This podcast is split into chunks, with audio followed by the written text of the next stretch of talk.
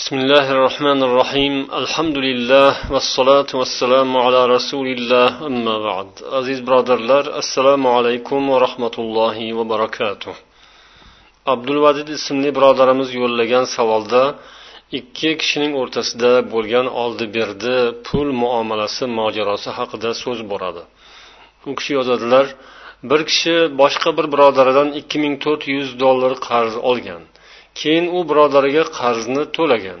Lekin pulning egasi pul bermagansan deyapti. Qarzdorning pulni berganligi haqida hech qanday dalili yo'q. Ya'ni yozuv chizuv qilinmagan. Haqdorning shogirdlari ham pulni olgansiz deyishyapti. Ammo ularning ham hech qanday dalillari yo'q. Shundan keyin bir ilmli birodar alloh u kishini rahmat qilsin ularni kelishtirish uchun bunday deb aytadi. Ikkovinglar ham muloana qilasizlar. Ya'ni qasam ichib agar yolg'on aytadigan bo'lsam allohning va maloikalarning la'nati bo'lsin deb aytasizlar. Siz pulni berdim deb qasam ichasiz siz esa pulni olmadim deb qasam ichasiz degan. Mana shu taklifdan keyin qarzdor birodar yana ikki ming to'rt yuz dollar beradi. Vaqtlar o'tib bu ikki inson yana gaplashib qolishadi va aytishadiki mana shu ikki ming to'rt yuz dollar bu dunyoda oramizda noma'lum bo'lib qolmasin. Bir narsaga kelishaylik deyishadi. Ammo ular hozir nima qilishni bilishmayapti. Shuning hukmi qanday bo'ladi deb so'raganlar. Bu masalani javobini berishda mana shunday insonlar o'rtasida oldi berdi davo mavjud bo'lib qolganda qanday yo'l tutiladi buning qoidasi qanday bo'lishi haqida biroz to'xtalib o'tishimiz darkor. avvalo shu narsani ta'kidlashimiz kerakki islom dinimiz insonlarning moli dunyosini va ularning hayotini saqlashga juda ham qattiq ahamiyat bergan bayhaqiy rivoyat qilgan mana bu hadisda shu narsa anglashiladi عن ابن عباس رضي الله عنهما أن رسول الله صلى الله عليه وسلم قال لو يعطى الناس بدعواهم لادعى رجال أموال قوم ودماءهم لكن البينة على المدعي واليمين على من أنكر payg'ambar sollallohu alayhi vasallam aytdilar agar odamlarning davolariga ko'ra ish qilinadigan bo'lsa unda bir guruh insonlar boshqa bir qavm odamlarning mollarini va qonlarini talab qila boshlaydilar lekin da'vogarning zimmasida hujjat keltirish vojibdir. Inkor etuvchi uchun esa qasam ichish lozimdir deganlar. Mana bu hadis bayhaqiy va boshqa ulamolar rivoyat qilishgan va buning asli sahihaynda buxoriy va muslimda ham kelgan. Mana shu hadisdan islom odamlarning huquqlarini qanday himoya qilishi ma'lum bo'ladi. Islom dinida adolat me'yorlari aniq belgilab qo'yilganini biz mana shu hadisdan va buning sharhlaridan ko'rishimiz mumkin. Mana bu hadisdan yana bir muhim masala oydinlashadiki ayrim odamlarning tabiatida zo'ravonlik birovlar haqqini tortib olish kayfiyati demak mavjud. Ular ollohdan va odamlarning haqidan qo'rqmaydilar. Shuning uchun ham shariat qonunlari mana shunday holatlar uchun javobni ma'lum qilib qo'ygan. Odamlarning haq huquqlari masalasida uchta holat mavjud. Iqror davo guvohlik. Iqror bu bir inson boshqa bir odamning haqqini o'zida mavjud ekanini aytib tan olib falonchini menda mana shuncha haqqi bor deb aytishini iqror deyiladi. Davo esa falonchining ustida mana mana buncha haqim bor deb boshqa bir insonga davo qilib chiqadi. Guvohlik esa bir insonning haqqi boshqa bir odamning zimmasida ekanini uchinchi odam gapirishi bu guvohlikka o'tadi. Bu yerda so'ralgan savol va biz keltirgan hadisda esa davo haqida so'z ketadi. Agar odamlar orasida mana shunday muammo tug'ilsa ya'ni birov boshqa bir insonga qarshi biror davoni ilgari suradigan bo'lsa bu masala demak rasululloh sollallohu alayhi vasallamning yuqoridagi hadislar asosida hal qilinadi. Ya'ni al bayyinatu alal muddai val yaminu ala man ankar. Da'vogar dalil keltirishi inkor qiluvchi qasam ichishi vojibdir. Bu hadisni shayx alboniy ham irvaul g'alilda sahih sanagan. Mana shu hadis odamlarning haq huquqlarini himoya qilishda muhim va jiddiy asos bo'lib xizmat qiladi. Endi mana shu hadisdan kelib chiqib fiq kitoblarida masalaning ba'zi tafsilotlari keltirilgan. Jumladan fathul qadir kitobida kitabu davoda davo kitobida aytiladiki al muddai man la yujbaru ala al khusumati iza tarakaha. Muddai da'vogar shunday kishiki agar u o'z davosini tark qiladigan bo'lsa uni husumatga ya'ni nizoga muhokamaga tortilmaydi majbur qilinmaydi. Ammo muddao alayhi ya'ni davo unga qarshi qaratilgan shaxs javobgar shaxs esa bu o'z ixtiyoridan tashqari ham husumatga tortiladi nizoga muhokamaga hozirgi til bilan aytilganda sudga tortiladi muhokama qilishga tortiladi. Unga chunki davo paydo bo'ldi.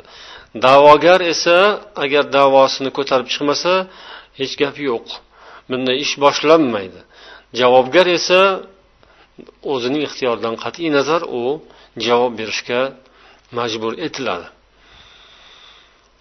Endi da'vogar odamning zimmasida vojib bo'lgan narsa bu hadisga ko'ra hujjat keltirishdir. U agar biror davo bilan chiqadigan bo'lsa undan so'raladi hujjating bormi? Dalil isboting bormi? qilayotgan davoying uchun. Ya'ni birovda mani pulim bor mani haqim bor deb chiqsa masalan ikki ming to'rt yuz dollar mani haqim palonchini zimmasida turibdi. O'sha berish kerak degan so'zni kim aytsa bu demak da'vogar bo'ladi. Undan hujjat so'raladi. Yoki shunga o'xshab falonchi palonchini o'ldirib qo'ygan mani qarindoshimni palonchi o'ldirgan desa uning xunini qonini davo qilayotgan bo'ladi. Bunga ham hujjat so'raladi.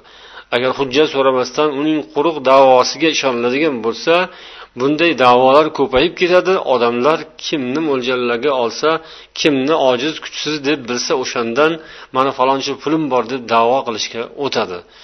Demak bunda dunyoning tartibi buzilib hayot izdan chiqadi. Kim davo qiladigan bo'lsa marhamat hujjat keltirsin hujjat nima? Yozuv chizuv xat hujjat imzolar qo'yilgan guvohlar ishtirokida tuzilgan shartnomalar tilxatlar mana shunga o'xshagan qog'ozda yozilgan hujjatlar. Yoki qog'oz bo'lmaydigan bo'lsa tirik guvohlar guvohlar ishtirokida qilingan oldi berdi ishlar. Yoki guvohlar huzurida biror holat hodisa yoki jinoyat sodir bo'lgan bo'lsa ana o'shani ko'rgan bilganlar guvoh sifatida hozir bo'lishlari bu hujjatdir. Bu dalil isbotdir va ana shu hujjat dalil isbotni keltirib turib davo qilgan odamni demak qozi davosini o'rganib chiqadi hujjatlarini dalil isbotlarini tekshiradi. Agar uni haqiqiy deb topsa rost deb topiladigan bo'lsa da'vogarning foydasiga masalani hal qilib beriladi. Agar da'vogar hujjat keltira olmasachi unda munosabat ana u javobgar tomonga qaratiladi va undan yana o'sha da'vogar o'zining so'zida turadigan bo'lsa davosida turadigan bo'lsa lekin hujjat keltira olmasa undan qasam ichish talab qilinadi. Navaviy muslimga bergan sharhlarida aytadilarki qad bayyana sollallohu alayhi vasallam al hikmata fi kawnihi la yu'ta bi mujarradi da'wahu payg'ambar sollallohu alayhi vasallam bir inson shunchaki bir quruq davo bilan ish boshlasa o'shaning davosiga quloq solib masalani uning foydasiga hal qilib berilmasligini aytdilar va buning hikmatini ham bayon qildilar agar uning so'ziga quloq soladigan bo'lsa botil narsalarni davo qiladi insonlar ولا يمكن المدعى عليه أن يصون ماله ودمه وشunday qilib muddao alayhi ya'ni davo qilingan unga qarshi davo surilayotgan odam javobgar odam o'zining molini va qonini himoya qilishga qodir bo'la olmay qoladi. Demak avvalo da'vogardan hujjat talab qilinadi. Agar u hujjat keltira olmasa nima qilinadi? Unda ankar ana u odamdan so'raladi davosini e, bayon etgandan keyin u javobgardan so'raladi bu gapi to'g'rimi yoki noto'g'rimi? Buning davosini tan olasanmi yoki yo'qmi? Agar u inkor qiladigan bo'lsa bu esa davosida yana turadigan bo'lsa unda inkor qilayotgan odamdan qasam ichish talab qilinadi. Fathul qadir kitobida yana keltiriladiki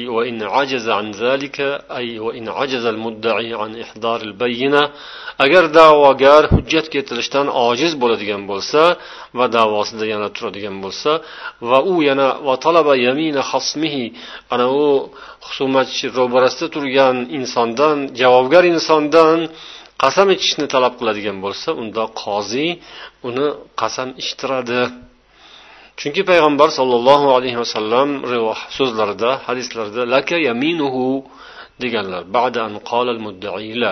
Bir inson o'zining haqqini davo qilib kelgan mahalda hujjat so'raganlar rasululloh sollallohu alayhi vasallam. Hech qanday hujjatim yo'q deb aytgandan keyin bo'lmasa ana u odamning qasami sening uchun javob bo'ladi deganlar. Demak bu o'rinda da'vogar talab qilishi lozim undan ya'ni javobgardan. Haqni to'lashni yoki qasam ichishni. Shundan keyin u javobgar odam qasam ichiriladi. Qasam ichganda demak o'zini shu moldan bari ekanini bu davodan xoli ekanini u odam izhor qilib alloh nomi bilan qasam ichib bu qilayotgan davosi noo'rin botil bekor. Men uning qilayotgan davosidan xoliman. Menda uni hech qanday haqqi yo'q degan so'zlarni aytib u qasam ichishi kerak bo'ladi.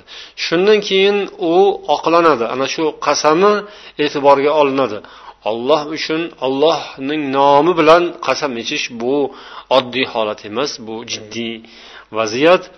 Alloh nomi bilan qasam ichish katta bir mas'uliyat katta bir javobgarlik. Ollohning haqqi hurmati alloh taoloning zikrini qilib turib inson agar yolg'on gapiradigan bo'lsa u nihoyat darajada gunohkor bo'ladi qattiq gunoh kabiraga qoladi. Olloh nomini aytib qasam ichib turib yolg'on gapirish mumkin emas mo'min musulmon odam uchun. Agar birovning haqqi uning bo'ynida bo'lsa olloh nomi bilan qasam ichirilgan mahalda to'g'risini rostini aytish kerak.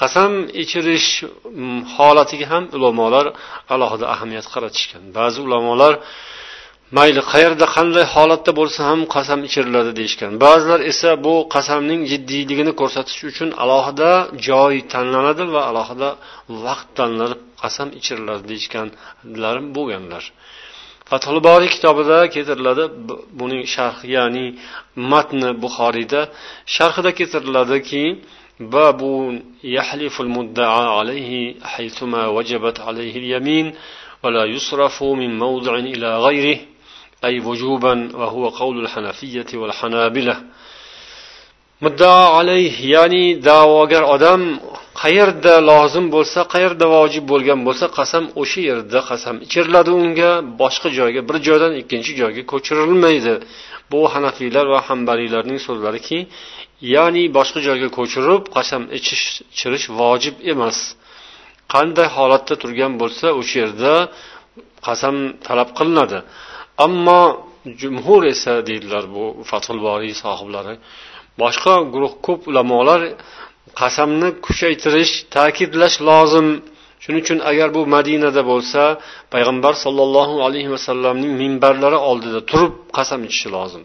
Agar makkada sodir bo'lgan bo'lsa unda kaba bilan maqomi ibrohimning o'rtasida turib qasam ichishi lozim. Boshqa shaharlarda bo'ladigan bo'lsa jomiy masjidga kelib o'sha yerda qasam ichishi lozim deyilgan. Yana aytishganki ulamolar agar bu holat jiddiyroq masala ustida bo'lsa qo'llanadi. Ya'ni qon to'kilgan bo'lsa yoki juda katta miqdordagi mablag' mol ustida gap ketayotgan bo'lsa shunda qasamni kuchaytirish mumkin. Ana shunday alohida e'tibor berilishi mumkin. Ammo ozroq mol ustida yoki oddiyroq ozroq mojarolar nizolar ustida gap ketayotgan bo'lsa bunda bunday kuchaytirishga bunday qattiq ahamiyat berishga hojat yo'q deydilar. Endi savolda so'ralgan masalaga keladigan bo'lsak bir kishi boshqa bir birodaridan ikki ming to'rt yuz dollar qarz olgan ekan. Demak keyin u birodariga qarzni to'laganman deb aytyapti. Lekin pulning egasi pul bermagansan qarzingni to'lamagansan deb davo qilyapti. Qarzdorning pulni berganligi haqida hech qanday dalili yo'q. Qolaversa u qarz bergan odamning ham dalili yo'q qarz berganiga. ikki ming to'rt yuz dollarni kimning guvohligida bergan? Qaysi hujjat bor? Qanaqa shartnoma tilxat bor o'rtada? Hech narsa yo'q. Uning ham dalil hujjati yo'q. Qarzimni to'laganman degan odamning ham yozgan yozma bir hujjati yo'q. Qarzdor ham qarz beruvchi ham hech qanday hujjatga ega emas. Qarz bergan odamning guvohlari yo'q. Qarzni to'ladim deyayotganning ham hujjati yo'q ammo qarz berganni shogirdlari pulni olgansiz qarzingizni qaytarib olgansiz deb aytishayotgan ekan. Agar ular o'z ko'zlari bilan shuni ko'rishgan bo'lsa va solih insonlar bo'lsalar ya'ni pokiza insonlar bo'lishsa ular adil hisoblanadilar va ularning so'zlari qabul qilinadi. Ya'ni ular gunoh kabira qilmaydigan ibodatli kishilar bo'lishsa o'sha guvohlar. Bularning guvohligi kifoya qiladi bu hujjat bo'ladi. Ya'ni qarzdor qarzini to'laganiga hujjat bo'ladi. Ular agar shu guvohlikda turishsa guvohlikni mm, o'z qoidasiga muvofiq ado qilishsa bu kishi qarzidan qutulgan bo'ladi. Endi savolda aytilgani bir ilmli birodar alloh uni rahmat qilsin ularni kelishtirish uchun bunday deb aytgan ikkovinglar ham muloana qilasizlar degan taklifi bu noo'rin noto'g'ri. Chunki muloana bir biriga la'nat aytish bu faqat er xotinlar o'rtasida bo'ladi. Alloh asrasin bir yomon holat sodir bo'lgan bo'lsa er xotin o'rtasida ana shunda bu joriy qilinadigan qoida. Bu o'rinda mana bu hozir ikki kishi o'rtasidagi qarz masalasida bu tadbiq qilinmaydi. Qarzdor birodar endi yana ikki ming to'rt yuz bergan deyilyapti. Haliginday muloanani taklif qilgandan keyin qarzdor odam oldin qarzimni to'laganman degan odam yana ikki ming to'rt yuz beribdi. Bu noto'g'ri ish. Ya'ni agar qarzini bergan bo'lsangiz nima uchun yana siz ikki ming to'rt yuz berishingiz kerak? Siz agar qarzingizni to'laganingiz aniq bo'lsa gapingiz rost bo'lsa unda siz ikki ming to'rt yuz berishingiz noto'g'ri. Agar berganingizni bilolmayotgan shubhalanayotgan bo'lsangiz unda masala boshqacha bo'ladi. Vaqtlar o'tib bu ikki inson yana gaplashib qolishadi va aytishadiki deb yozadilar savolda shu ikki ming to'rt yuz bu dunyoda oramizda noma'lum bo'lib qolmasin bir narsaga kelishaylik deyishadi ammo nima qilishni bilishmaydi. Ular endi vallohu alam bunday qilishlari kerak. Agar qarzdor odam ikki ming to'rt yuz dollarni avvalda bergani aniq bo'lsa aniq berganman desa ikkinchi marta yana ikkinchi marta ham berganman desa u ikkinchi marta bergan ikki ming to'rt yuz dollarni qaytarib olishi kerak. Keyin qarz bergan kishi qozining oldida yoki qozi maqomini o'taydigan uning o'rniga o'tadigan insonning oldida o'z davosiga hujjat keltirishi lozim. Ya'ni hujjat yo guvoh yoki xat hujjat. Ya'ni bu kishi mendan falon vaqt ikki ming to'rt yuz olgan ammo qaytarib bermagan deb shunga hujjat keltirishi shart. Shariat islom mana yuqoridagi hadis shuni talab qiladi. Agar pul egasi hujjat keltira olmasa qarz olgan kishiga qasam ichiriladi. U men falonchidan ikki ming to'rt yuz dollar olganman falon vaqtda va falon vaqtda yana qaytarib berganman. Olloh nomi bilan mana shu so'zim rost qasam ichaman rost deb qasam ichaman deydi. Shu bilan ora ochiq bo'ladi. Bo'ldi tamom. Alloh tavfiq hidoyat bersin barchamizni o'zi qalbimizni isloh qilib dilimizni to'g'ri yo'lga burilishini alloh nasib etsin. Bu dunyo qoladi birovning haqqi esa birga ketadi insonning bo'ynida. Agar bu dunyoda birovning haqqidan qutulib ololmasa oxiratga borganda u yerda pul bo'lmaydi dollar yoki so'mlar bilan emas savob bilan hisob kitob qilinadi. Insonning savoblari olib qo'yiladi. Ana u qarz egasi pul egasiga beriladi agar qarzini bu dunyoda to'lamagan bo'lsa. Ammo kimki qarzini to'lagan pul egasi ham qarzni olib turib yana pul bermadi deb davo qilayotgan bo'lsa u ham oxiratga ollohning huzuriga xunuk holatda yomon suratda boradi sharmandali holatda boradi. Pulni deb inson o'zini o'zi rasvo qilish kerak emas dunyoni deb. Olgan bo'lsa eslab olganman deyish kerak. Guvohlar olgansiz deyotgan bo'lsa demak olganligini tan olish kerak. Shunday qilib orani ochiq qilish kerak. Alloh barchamizga tavfiq bersin. Vassalomu alaykum va rahmatullohi va barakatuh.